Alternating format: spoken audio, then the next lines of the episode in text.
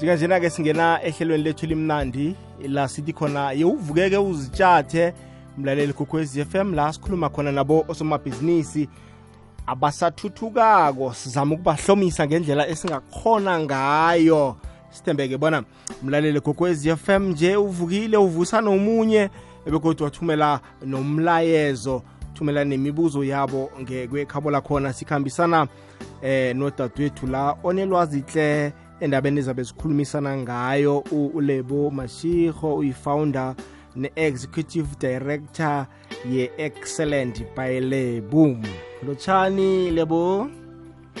Lotshani mitle love. Um lotshisa nabalaleli bonke bekwekwezi f m. Lotshisa godi nabasekeli nabathandi be-excellent by lebo siyathokoza. Igama elihle kangaka excellent. Hayi khona la ube-creative la excellent ku-excellent wamaqanda. aw aw siyathokoza lebo. Lebo akhe sikhulumise indaba ekulu la sijeje yona indaba yokufuya kwenkukhu uyazithengisa ugcine sowuthengisa namaqanda. Sikhuluma ngani? Sikhuluma nge-poultry farming. Eh angithatha ithuba leli ke milo lapho ngilothise futhi kubalaleli bonke bekwekwezi FM khulukhulu abosomabhizinisi uh, abasathuthukako abalandela ihlelo leli. Eh siyathokoza kakhulu kusinikeza ithuba na kukwekwezi FM umhathi omkhulu ukuthi size si si share ulwazi lolo siliphethe ukuze sihlomisane. So uma sikhuluma nge-poultry farming um nito love ngiye ngathola i-definition engeyesikhuwa mara ngifuna ukuyihlathulula ngizama ukuyiletha esintwini. Ngumberego laphani la umuntu unakekela khona inlwane noma inyoni zasemakhaya ezingafana nenkukhu chickens eh ducks uh turkeys and geese. Ngomncopho wokuthi zizokubekelela noma zizobekela amaqanda noma uberegise uziberegise mhlambe ukuproducer inyama.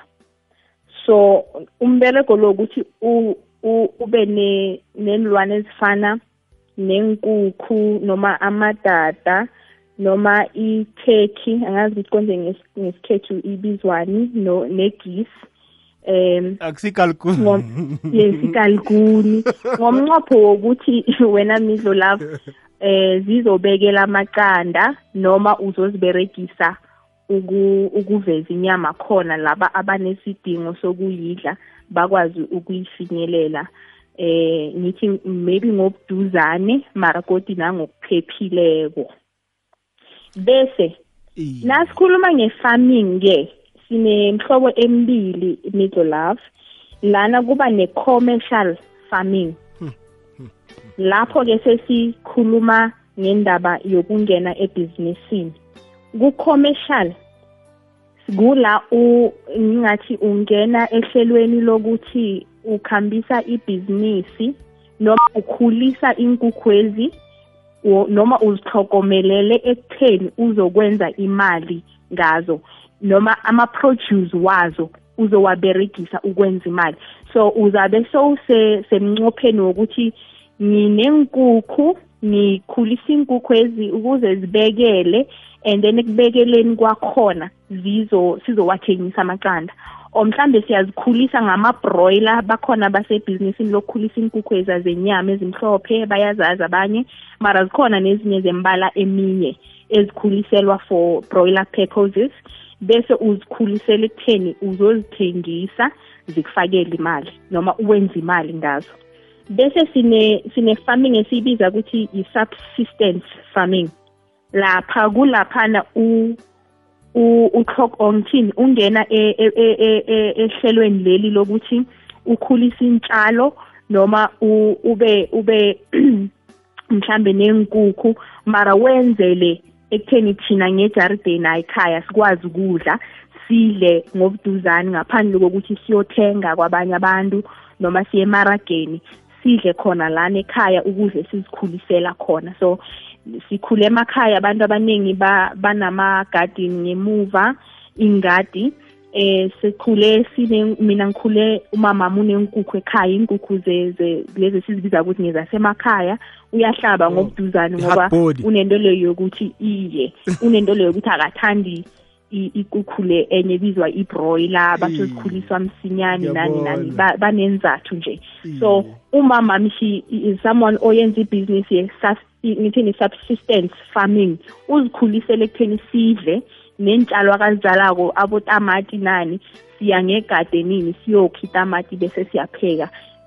Ikhuliswe ngendlela yena akayithanda ngakhona.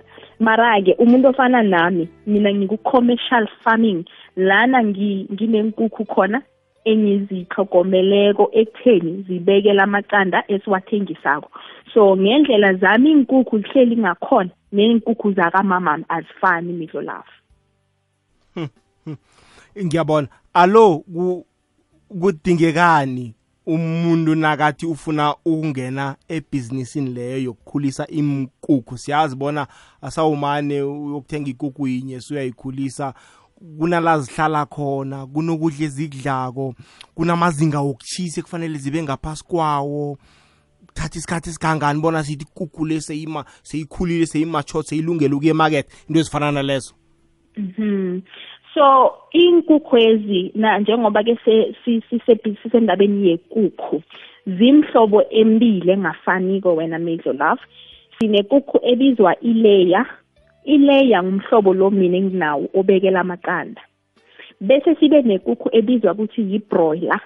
I-broiler yilena esiyikhulisela for inyama um siyikhonsumela inyama yayo. Nayo ileya iyadliwa mara azikhuliswa ngendlela efanako asiziphi nokudla okufanako. So ukuze umuntu ungene ebubulweni leli udinga lokuthoma nginga-advisa people that want to pursue i-career ku-industry le ekutheni zwisisa number one ukuthi mhlobo bani wekukho ofuna ukufuya number one.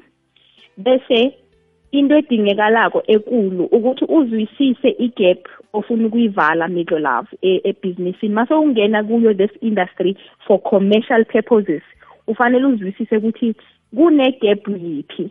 Ngoba abantu abaningi bayawathoma amabhizinisi sithoma amabhizinisi ngoba sizicabanga ukuthi imbono emihle nje kuphela. But ibhizinisi ufanele ulithome because kunesidingo noma kune-gap ofanele uyivale.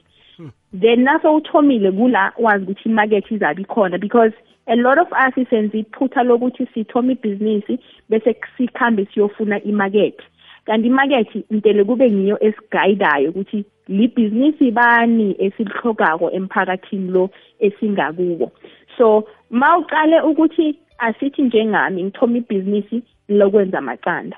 Kusho ukuthi ngibone ukuthi kunesi kune-gap yokuthi akunamaqanda mhlambe abantu abakhona ukuwathola ngobuduzane noma amaqanda abantu abakwazi ukuwathenga akude bafanele bakuhamba amabanga amade ekutheni bawafikelele bese bakhiphe nemali eningi ukuwathenga.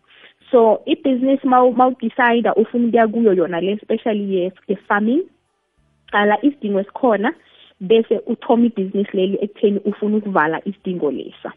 So nginga-advise ukuthi uma uthoma thoma wazi ukuthi number one une-passion midlo love unothando. For ibhizinisi leli because abantu abaningi bacabanga ukuthi eh ufuya igugu nje uyibeka lapho iyakhula yenza amaqanda or uyayithengisa for inyama. Iy'nkukhu zi-very sensitive zifuna umuntu onothando zifuna umuntu ozwisisako ukuthi kuhle kuhle ufuna ukuyaphi zifuna umuntu owaziyo ukuthi ikhona imakethi for i-product yakhe bese into efunekayo futhi ku-commercial farming kufuneka imali ngidlo lapho asingakhohlisani. Liyibubulo hmm. eli-unpredictable ungafuya namhlanje uzitshele ukuthi in three months ngizoba ne-turn over engaka. Kanti ku-three months leyo mhlawumbe i-turn over leyo ngekho uyibone kungaba nezinto eziningi ezingaba khona endleleni ukugula kwenkukhu eh kungenzeka ukuthi uzifuye inkukhu nakufanele ukuthi izibekele zingabekeli. Eh kuba nama-stress factors ezinye izinto ongeke ukhona ukuzicontrola nawe. Kodwa nobujamo be-weather nabo buya kuba ne-influence especially ku-business le-poultry farming. So kunento eziningi ezingenzeka ezingaphandle kwe-control yakho. Manje kubalulekile ukuthi umuntu uma uzongena ebubulweni leli noma kumkhakha lo kube ukuthi ngumkhakha ozwisisako i-industry lena uyiresearchile uzwisisile nokuthi igap ingakuphi and ngumhlobo bani wegap ofuna ukuwuvala uvale ngaliphi ngithini nge rather ngekukhu enjani mhlawumbe ngekukhu ebroiler noma ngekukhu yamaqanda noma eh ngabo abotheki labo esikhulume ngabo mm. uqale ukuthi wena la ukhona kunesidingo siphi kwesinye isikhathi ngingathi ebantwini ungazithoma ibhizinisi kwandebele or mhlambe kwenye indawo wathola ukuthi wena imakethe oyisupplyako akusiyimakethe ekwandebele mm. wathola ukuthi unemakethe engaphandle kwala wena ukhona uyazwisisa middle lapho so kubalulekile ukuthi umuntu uzwisise ekuthoma ukuthi imarket ikuphi before ungastepa into ibhizinisi leli. Nendlela kodwa zokuthoma zihlukene ngingatsho njalo kudiphenda ukuthi isikhwama sakho sinjani nokuthi izinga okulo ngeliphi because kunabantu abaningi abasupply amaqanda but abawaproduce. hmm. Abanye bayaproducer bese uthola ukuthi ababi nemarket bafuna abantu abanye abangabasuppliela so ufanele ukuthi wena u-identify also ukuthi ku-chain le i-value chain into engibiza i-value chain wena ufuna ukuba kwesiphi isigaba. Ngoba kungenzeka ukuthi mhlambe unehono lokuthengisa mara unahono lokuthi ungaba ngumfama ukuthi uthome phasi nekukho mhlambe wena part ye-value chain ofanele ungene kuyo kula so ustoka kwabanye abantu bese uyathengisa noma vele ube yifama from the scratch uthoma uproduce ukhambe nayo i-value chain le until ngasekugcineni kwayo. Hmm. manje ke eh lebo ngiyakuzwa uthi kunemhlobo emibili khona umhlobo obekelako nomhlobo lo okufanele udliwe. Zinjani zihluka njani sizibona zimhlophe zonke kuthiwa zinkukhu zomchini sesazi njalo thina mhm. yeah mm eh umehluko ukuthi ikukhu yom well ikukhu eyibroiler yinyama sikhulisa ngemveke ezingu-6 hmm. ukudla esiyipha kona kuba ngukudla okuyivumela ukuthi ingamachora noma ingaritha i-maturity nge-six weeks. Lapho uzoyithoma la bayibiza khona ukuthi iyi-day old iyilidzinyani hmm. kube nokudla ekubizwa ukuthi yi-starter uyithombe nge-starter hmm. bese imveke ezithize baseziphelile uyilandelise ngokudla okubizwa ukuthi yi-grower bese ekugcineni ku-six weeks noma kuveke yokugcina leyo ye-six kula uyikhipha khona ku-grower uyifaka ku-finisher uh, bese ke seyi-ready ukuthi ingaya kumarket bese kuleya ileya ngumhlobo lobekela amaqanda. Ileya ithatha imveke ezingu-20 ukuthi ungayikhulisa ngaphambi kokuthi ibekele. So ileya ithatha i-process yokukhulisa ileya nokuyifikisa ku-maturity kuyahluka kune-broiler. Kodwa nama-layer lawa middle love awafani eza angama-breed noma ngithini ama angazi ukuthi ngesintu i-breed ibiza imvelo yawo awafani. Mm, mm. kuba nomhlobo esiwubiza ukuthi eh uyi uyiloman the way uyikhulise ngakhona ne, ne, stage sokuthi ifike ibekele iyahluka kumhlobo omunye esingawubiza ukuthi yi-highline brown. Kune-highline brown ne-highline silver. Zingumhlobohlobo wena midlo lapho zingumhlobohlobo nje ohlukahlukile bese nokukhuliswa kwazo ne-age yazo yokubekela. Enye bazokutshela ukuthi ingathoma ukubekela nge-18 weeks nawuyiphe kuhle ukudla. Bese babe kube nenye bazokutshela ukuthi ingabekela iminyaka emibili enye ibekela unyaka enye ibekela ngaphasi konyaka. Bese bakutshela ukuthi kunomhlobo omunye okwazi ukubekela endaweni ezimakhaza ukudlula ezinye. Bese bathi kunomhlobo omunye okwazi ukubekela endaweni ezithize. Ezinye zifuna ukuthi zibekele zikhamba phasi. Into esiyibiza ukuthi yi-free range farming. La inkukhu zakhona ziyakahlaliswa ngemakhejini na uyibeka ngekhejini mhlambe ayibi ku-environment eyivumela ukuthi ingakhiqiza amaqanda ngendlela noma ngenani elifanele. Bese kube nomhlobo omunye usebenza ngcono uma ubeke phezu kwe-cage ibekelela ku-cage. So ziyahlukahluka kungakho ngisho ukuthi kuzoya ngendawo number one godi okiyo ozithola kuyo i-environment. Bese kuzoya futhi nange-budget ukuthi wena ngesikhwameni ujame njani. And then kuzoya also middle love ngokuthi eh ufuna ikukhu ezokubekelele isikhathi esingangani. Ne-maintenance yakhona ukuthi uzo-afforda umhlobo muphi we-maintenance. Iyazwakala lebo njenganjena-ke mlaleli gokwezi FM sikunikela ithuba umbuzo ofuna ukubuza udadewethu la sikhuluma eh nge nganandi ayibubulo lokufuya inkukhu ugcine seluzithengisa namkha ufuye zibekela ukuthengisa amaqanda. Into ezifana nalezo iba lichumi nemzimbili phambi kobana kubethe isimbi yechumi nanye ku-079 413 iwhatsapp voice note yethu sidosele nomtato ku-012 eh okwakhona 011 714 ungegoli 011 714 eh 70 3630 yenza njalo mlaleli kokwezi FM ithuba elifana naleli limvela kancane ngiyazibona uyalidinga ilwazi elifana naleli lebo kunomlaleli la kuma WhatsApp voice note. Akhe sizobona uthini Hey kunjani mfo? Ukhuluma nosifiso ngeHenrina ngicela ukubuza ukuthi istrike sakamasipala kahle kahle se-Steve Chwede okay eh ubuzo khunye umsukhaya mina bengimhathi bengibawa noku-advise ama-supplier la supplyelawo eh amadzinyani lamancane wenkukhu ukuthi balise kusupplyela ama amadzinyana ama-reject. Ngoba iningi labo basupplyela amadzinyana ama-reject and siyalila kakhulu siyalila. Sibo somabhizinisi silila kakhulu ngama-reject uyabona? Basaplayele ngothando bangasaplayeli ngoba batsho bawathole achip nawo or ngoba bawatsho kwenzakalani. Ngoba nathi siyaluza at the end of the day siyaluza and siluza kakhulu. Ngiyathokoza.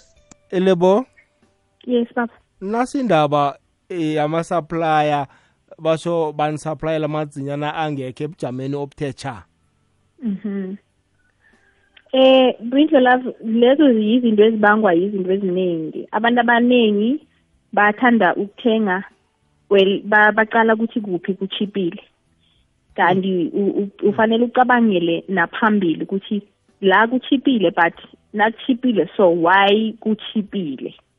Eh angithi abantu singaye ebantwini esikwazi ukuthenga kibo la sikwazi ukwenza i-profit khona nathi nasiyothengisa mara kubalulekile also ukuthi nasicala bo-supplier lapha sidile nama-suppliers esiwabiza ukuthi are-reputable ama-suppliers abantu esingakhona ukwaholder accountable. Ama-suppliers esaziyo ukuthi anegama elihle. Kubalulekile. Angeke ngiwakubize emoyeni namhlanje ngoba siwathengisa ngithi. Mara kubalulekile ukuthi abantu abayothenga baqale ama-suppliers are-reputable abantu ekudala baku-industry abayaziko abayizwisisako and abangathathile abantu ama-chance. Iyazwakala kileyo ndawo. Eh lebo i-life span lezi ezibekela amaqanda ziphila isikhathi esingangani? Lezi ezingabekeliko ziphila isikhathi esingangani mhlambe? Eh njengoba ngithile ukuthi kuya ngehlobo le-breed or angazi ukuthi i-breed konje ngingayichaza uyihlathulule kuhle imvelo yazo ya imvelo yazo. So kuba nenkukhu ezikwazi ukubekela iminyaka engu-two njengoba ngikhulumile especially lezo sizibiza ukuthi yi-highline brown ne-highline silver brown. Nginesiqiniseko sokuthi two years ziyakwazi ukubekela ngoba nami ngiberekisa ihlobo lelo. Mara-ke ziyakhona ukubekela na beyond i-two years wena middle love kuya nangokuthi uzitsheje njani. Kodi ufanele uqale for i-commercial farmer umuntu ozibe oziberegisela ekutheni zikwazi ukubekela akwazi ukuthengisa. I would advise ukuthi uma kuyi-highline brown or highline silver brown kube ukuthi uyibekelisa for two years. Zingakwazi ukubekela beyond i-two years but nasezireache i-maturity yokubekela uzozibona ngokuthi akusese ikuku ebekela every day. Izobekela mhlambe after two to three days. And then ne-size yamaqanda iyancipha iyehla. Nakube bekuza inkukhu ebezibekela amaqanda esiwabiza ukuthi yi-large wabo extra large uzothola ukuthi sezikhipha amaqanda amancane abo small and asabekeli every day. So wena na usebhizinisini lokuthi ufama commercially for i-purpose yokwenza imali or ukuthatha ukuyothengisa emarkeni Iye. uh, ungaziberegisa unga- unga- ungazi- ungazipha um about uh, 140 weeks which could be unyaka nangaphezudlwana konyaka mara for umuntu o- ofama for lokho engi- engikubize ukuthi yi-su- i-subsistence farming lokho ukuthi sizifamela ukuthi nendlini asibe nokudla ngobuduzane unga- ungazibeka na beyond iminyaka emibili uye ngazo ukuthi zona zifuna ukubekela until kwesiphi isikhathi. And then abaningi abantu baba baba nento leyo ukuthi mase zingasabekeli baziberekisela uh, bazidle bathi ngama-hardbody kunama-market kunabantu aba ababereka ngazo abaziphekako bazithengisa kunabantu aba abaprefera ukudla zona. So i- iyenza imali ngomhlobo emibili iyenza imali ngokuthi kubekelele bese lapha nase i-reache i-maturity ukuthi ayisabekeli kuhle ingaberegiselwa kuba yinyama. Bakhona abantu abayithengako. I- iyazwakala dadwethu ku-011 714 3410 3470 3630 ngifuna khe ngizwe umlaleli la bona uthini? Lotsha mhathi nabe ngibabuza ukuthi kubangelwa yini lokhu iinkukhu zibe ney'nyawo ezikulu kube mhlambe zikhamba lapha kubo-three weeks yabona three weeks maybe and half ziba ney'nyawo ezikulukulukulukulu kulu kulu kulu kunyawo zakhona ziba zikulukulu yabona? So ngiba nokuthi benginokuzimikisela ukudla kwemfariki sometimes ukuthi zithola amafutshana amaningi. Ingabe kuzilungele for ilo indeni yazo na kudla kwemfariki ngoba bengithi nengizi- nengizimikisele ukudla kwemfariki beziba ziyanona zinona khulu. So zinona lokho okudluleleko yabona? So umbuzo wami ukuthi ku-healthy nalokho for zona? Mina bengimhathi bengiba noku-advyisa ama-supplier la sisaplayelayo okay. Umbuzo uzwile elebo uzwile nedi usesakacaci ukuthi ukhulumela ekukhwini yenyama le abayikhulisa nge-six weeks ngoba mhlambe yena nakakhulumisa indaba ye-six yokuthi zinona khulu. Angithi ba, bafuna ukuthi zibe zikulu iinkukhu zabo bazozithengisa. so i would advise ukuthi akukho advisable ukuthi anga- angazipha ukudla kwefariki nokuthi zigene amafutha. Ngoba ikukhu once ya- yathola amafutha isibindi lesa or iliver yayo yaba namafutha. Lokho kungaba yinkinga eh, ekukhwini ikukhu nawuyi overfeeder i- i- iya ya isibindi lesa sivalelwa amafutha bese uthola ukuthi asisayenza umbereko waso ingafa ikukhu leyo. So yena mhlambe angakwenza athi ufuna ukumanipulator ukuthi i- ibambe isize ethize ukuthi abantu bazoyijabulela. Mara abantu bazothi nase bayihlabile bayihlinzile bayithola ukuthi ayisiyihle ngaphakathi eh nayo ikuku leyo angayenza ukuthi ingasareacha immaturity uthole ukuthi ifa because i-overfed noma ne the liver leya yakhona ivalekile ivalwe mafutha ngamafutha lawa yena bekafuna ukuthi ikuku iwageyine. Nakayibona i-pick up umzimba. And then enkukhwini ezibekelako also akuka akufuneki ukuthi siz overfeed uthole ukuthi sijabuliswa ukuthi zikulu zi- zinomzimba omkhulu. Ikukhu ebekelako ayidingi ukuthi i-collecte i-weight wena middle love iyadinga ukuthi i-collecte the correct way but ayimelanga ukuthi kunormal ukuthi ingareachi u-two k g. Because once ya ya ya pick up i-weight kuba nzima for yona ukuthi ingabekela. Uyenza ukuthi ivilaphe ngoba nawe seyifanele idile noku- nok- nokuthwala umzimbayo. Ayisenzi umbereko wayo of which ukuproduce amaqanda. So normally inkukhu ezibekela amaqanda abantu abaningi bavamise bazithole ukuthi ziba zincane ngomzimba. Umbereko wazo is to produce eggs not to gain weight. So normally bengizwa abantu abenza ama-broiler kuba ngibo abakhulumisa indaba ukuthi bazipha ukudla okhunye ukuthi zi-pick up umzimba. Mara i would caution against lokho ukuthi bangakwenzi ngoba kungabeka i- impilo yenkukhu zabo e- engcupheni noma em- engozini. I- iyazwakala khe sizwe la umlaleli? Akwande mindlulavu ngiba ukubuza la. In terms of i- i- i-charter zenzani ziyakhona ukubekela namkhana kune-charter ngoba like njengami nje ngifuyile imbuzi nenkomo ne nangakhe ngifake zona inkukhu zizokhona na ukubekela ku- ku- ku- kune-charter lembuzi? Ngoba abanye banokungitshela ukuthi nangakhe kube nechata kwenzeka kwaba nechata ayisabekeli ngalelo langa.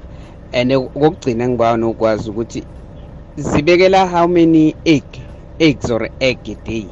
Ikukwe eyodwa ibekela ngakhi amacanda ngelanga? Ngithemba masilela la ngebabsfontein ngiyathokoza mindlela. Lebo? Hi but so um I would advise and from i-experience yami midlo laf nalokho esengikufundile ukuthi ikukhu normally the breed engiyaziko nama-breed amanye ngikhe ngawabona ngobuduzane. Ikuku ibekela icanda eliyi-one midlo laf ngelanga. Iqanda eliyi-quality elibekelwa yikuku liba lodwa ngelanga. Ngikhe ngezwa abantu bakhuluma ukuthi kunenkukhu ezibekela amaqanda amabili ngelanga angikakahlangani nayo ikukhu leyo. Angiyazi ukuthi ikhuliswa njani nokuthi vamse bayipha kuphi ukudla. So angeke ngijami ngithi ayenzeki or zange khe yenzeke. Ukuthi angikaze ngiyibone and akunamuntu engikhe ngahlangana naye angitshela ukuthi ikukhu akhe ikhipha amaqanda amabili ngelanga. Abantu abaningi bathanda ukuba confused makathola abantu banenkukhu eziningi ezibekela uthola kuba namaqanda ekuseni emini nasentambama bacabanga ukuthi ikukhu le iyaziphindaphinda sinomhlobo wenkukhu othanda ukubekela ekuseni kube nenkukhu ezibekela emini kube nenkukhu eziyobekela entambama. Zikhoswa kuba nama nama influences also. Ubaba lo buze godi nokuthi nakunamachada amanye az-affecta njani inkukhu kunamachada anga-affecta inkukhu ukuthi zibe ne-stress zingabekeli. Mara kuba namanye amathada recently engithe nangiyi-research angathola ukuthi abangamathada akwazi ukuzi-stimulator bese ziyabekela. So awafani amathada lawa. I would advise ukuthi abantu abaku-industry le ba-researche baqale ukuthi inkukhu zabo zingathanda amathada maphi angazistimulator ukuthi zikwazi ukubekela bese kube ngamathada anjani azibangela i-stress. So kuba namachata amanye abanga i-stress enkukhwini inkukhu njengoba ngikhulumile kuba nama-stress factors abakhona. Kungaba makhaza ebusika kungaba uh, ukuthisa khulu ehlobo bese kungaba um yizinto nathi esizenzako la kuhlala khona iy'nkukhu zethu the way thina siziphatha ngakhona eh kufuneka ukuthi nawufuyile ube nento esiyibiza ukuthi yi-biosecurity mhlambe nawunewoko nawuyongena ngewogweni akho kube nendlela yokuthi siva siva sinyawo zethu izandla zethu nempahla esizimbethe awukhambi ngempahla obowukhamba ngazo emall uyakuphi kuphi bese uyofuna ukungena ngenkukhwini. Awukwazi ukuthi impahla bowuzimbethe kuphi mhlawumbe hlangana nabantu endaweni ezinye ezingakahlanzeki bese uyofuna ukungena ngenkukhwini. So why ngithi inkukhu zi-sensitive umuntu oberega nenkukhu noma oberega enkukhwini mtele ahlanzeke middle love bese kube ne-p p e impahla esingena ngazo ngenkukhwini ngemawogweni wethu esaziyo ukuthi asiphumi sibe njalo sibe hlangana nabantu sibuyele siyolanda ama-infections singene ngenkukhwini and ngewogweni akho akungeni noma ngibani eh i-biosecurity measure yakho ifanele ibe ibe khona. Abantu bavasa inyawo zabo bambatha amabhoots lawa ama-water boots. Eh mabangena ngehogweni lakho kube kuthi ngabantu abahlanzekile. Sizame ngakho konke ekutheni asizi nama nama infections or ama bacteria nama germs angabangela inkukhu zethu ekutheni zigule. Manje nawusaphethe indaba yokugula nazigula bakhona bodokotera bakhona ukusiza namkha umjovo thize ikwenziwani siba ne ne ne medication ehlukahlukene esi-administerako enkukhwini eh kune medication abantu abayi abayi-administerayo bathi ukupreventa. Upreventa kulapha sithi sifuna ukuthi singafiki ezingeni lokugula siyapreventa ukugula kungakafiki. Bese kube ne-medication esiyiberegisako mhlawumbe ukugula sekukhona sitreat-e mara-ke i would advise ukuthi anyone oberegayo ngazo inkukhu akaprevente ungalindi ukuthi kube nama-outbreak. Bese kuba nogulo okunye sikwazi ukukutreat-a or sikwazi ukukupreventa. Bese kube nogulo okufana nama-virus. La ongeke sikwazi ukuthi siwabalekele. Nase wakhona awile ayaba abayinkinga lapho kula ngithi mina kufanele khona si si sithidelane khulu kodwa nomnyango loya we-agriculture. Eh banokuba nabo doktere uh, abangama vets abangama specialist uh, aba aba understanda i-animal production. Abangeza ngobuduzane bese baya advise ukuthi nakunenkinga so siyitreata njani noma senzani. Eh ne medication le vamse ngithi eh sibe starahnyana kuberegiseni i-medication esikhathini esiningi. Makunama herbs noma izinto engathi zi-natural esingaziberegisa ukutreat inkukhu zethu asikwenze lokho. Eh kune medication ebizwa i-stress pack or i-stress medication okwazi ukuyiberegisa kuyiphi inkukhu zakho.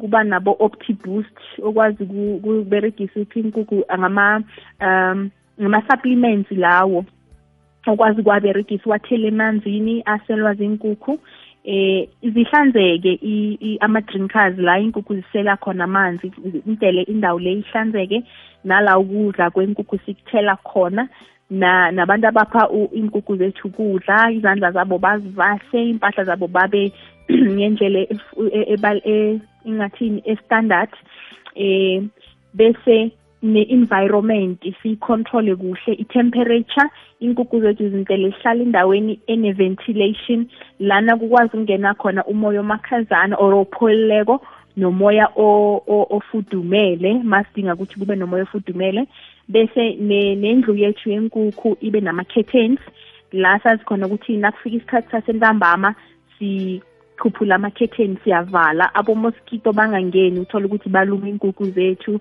lapha nemehlweni sezidumbile zenzeni eh sizama uku-avoid izinto ezinjalo.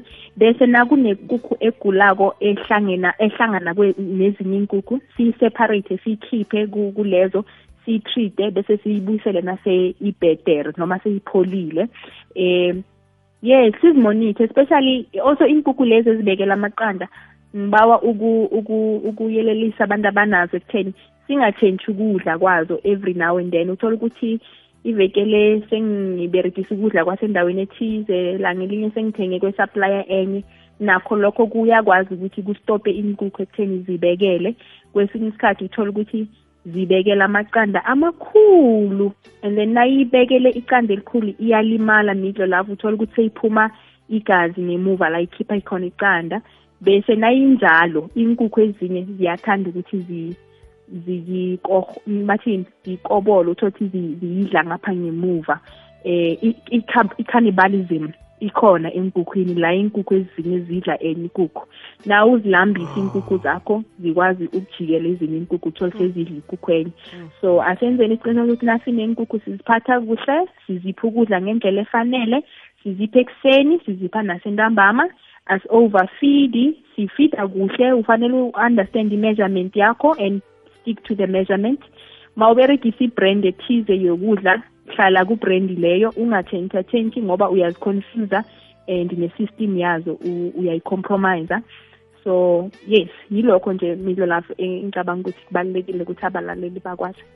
Sesisebenzele ukuyivala la dadewethu akhe sikhulume-ke nge-funding. Asikhulume njenge-funding yomuntu ofuna ukuthoma ibhizinisi singaqali le esiyiphetheko namhlanje kuphela. Umuntu nje ufuna ukuthoma ibhizinisi funding tholakala njani? Eyi leyo yona yindaba emaphorota yazi sonke sifuna ukuyazi nami. Ngiyafuna ukwazi ukuthi funding itholakala kuphi. Um but nginga-advisa people abasebhizinisini nabafuna ukungena ehwebeni lena. Ekutheni have i-business plan yakho proper. I-business plan yincwajana leyo fanele usale nayo phasi uyikhulumise ukuthi wena ufuna ukuya kweliphi ibubulo uyokwenza njani imali i-customer lakho ngubani eh uyoyirana njani ibhizinisi unamahono maphi la onganawo uyocasha ubani okuphi umbadale malini imali uyothengisa i-product yakho ngamalini wenze i-profit yamalini ukhulise njani ibhizinisi eminyakeni embalwa elandelako sewuthomile. So i-funding sinama-agencies akhona afana nabo wela ngama-agencies we-government ngiyacabanga ukuthi ngingawabiza emoyeni. Iyi akunamraro dadewethu i-NYDA National Youth uh, Development Agency ikhona bayafunda middle love ba banama thresholds a different ungaya kibo ufuna 10000 1000 50000 bazokutshela ukuthi na ufuna i50000 ufanele uze nalokhu nalokhu. Na ufuna 10000 singaqala singakuhelebha unganayo i-business plan noma mhlawumbe ibhizinisi yakho isesengumbono nje kuphela.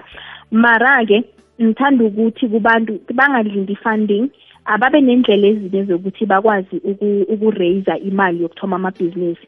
Kwesinye isikhathi na ungumuntu ofuna ukuthoma ngebhizinisi yokubekela i mean yokuthengisa amaqanda awuthomi ngokuthi ube nemali yothenga inkukhu.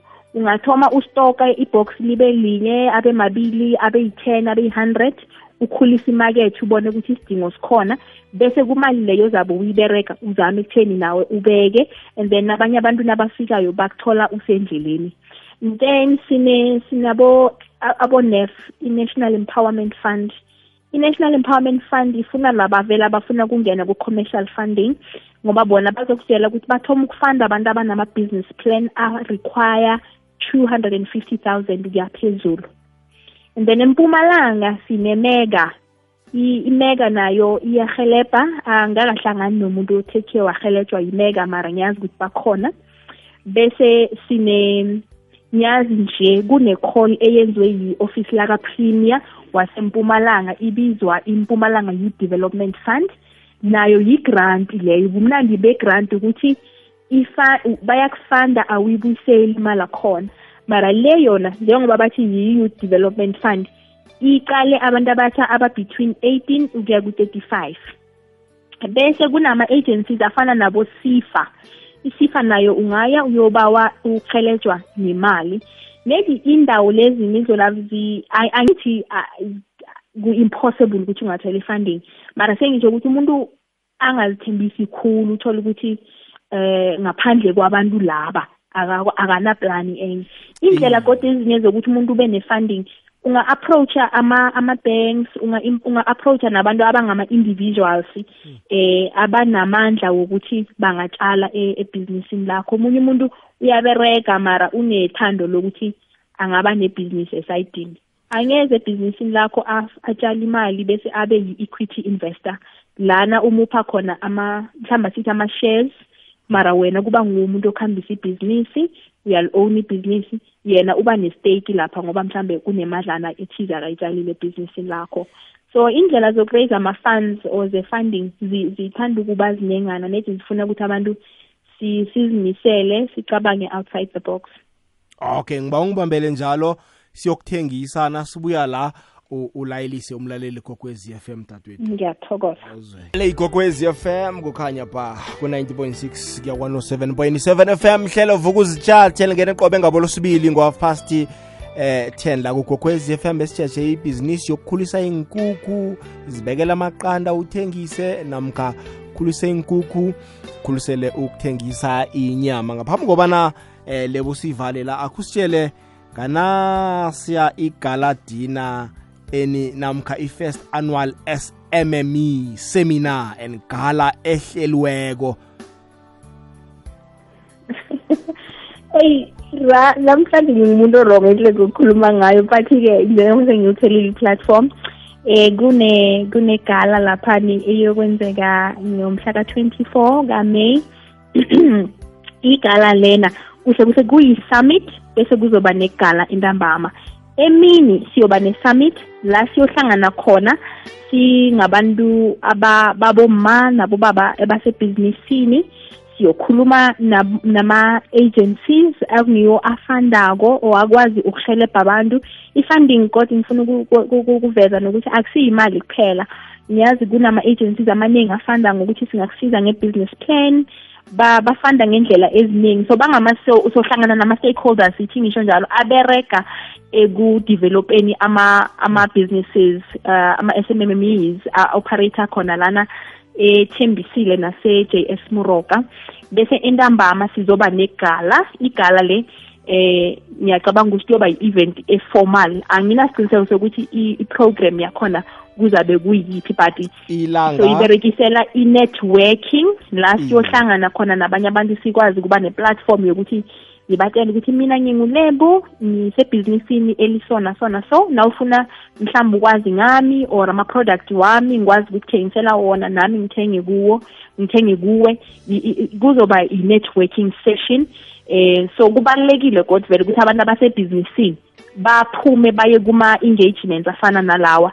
La siyo-networka khona siyo-exchange nama-business card wethu ekutheni kusasa. Kungenzeka ukuthi kunomuntu oyohlangana naye laphani ongaragi ibhizinisi naye going forward.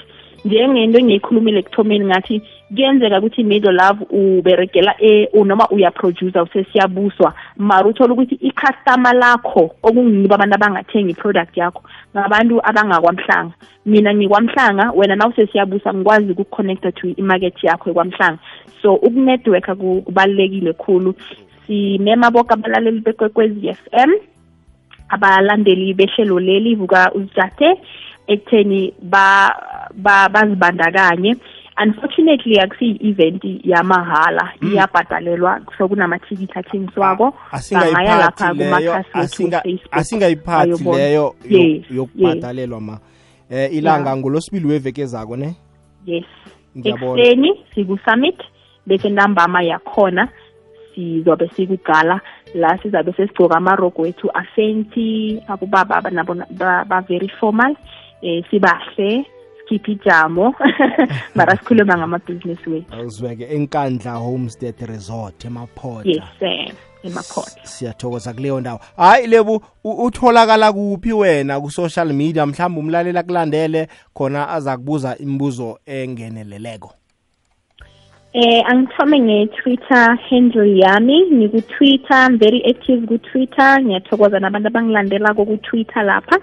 I-handle yami ku-Twitter ngu at I am lebo underscore I am ngu I A M ulebu ngu L E B O underscore. So bangangilandela ku-Twitter at I am lebo underscore babuye ba bangilandele kodwa kufacebook. Ngiyathokoza nabantu bonke abangilandelayo kufacebook abalaleli bekwekwezi m abakhi basethembisile eh nangale ngethe esmuroka impumalanga yonke ngingulebo mashiho kufacebook. Bazombona ulebo mashiho kunenkukhu so ku-profile yami. Bangangithola lapho. Bese nginekhasi le le le Facebook lebhizinisi elibizwa i-excellent u-excellent wethu ngu-e double g s e double l e n t. So it's excellent. Bangalayikha ipage lethu kufacebook siyashera kakhulu ngebhizinisi leli le-farming and then um ninenumber but-ke ngicabanga ukuthi niyibize emoyeni. Nakube bakhona abalaleli abangathanda ukuxhumana nami bangangiqala nje ku- kumakhasi lawa we- we-social media la ngitholakala khona. Ngiyathokoza mile lapho thokozile lebu ukukhuluma nawe namhlanje nelwazi osethulele lona. Ngiyakuthembisa umlaleli gokwez FM uzuze lutho olukhulu namhlanje. Ngiyathokoza baba. Sithokozile dadewethu awuzweke bekungulebu mashiho uyi-founder and executive director ye-excellence by lebu. Sikhuluma ngebhizinisi yamacanda la nenkukhu. Sithokoze indlebe mlaleli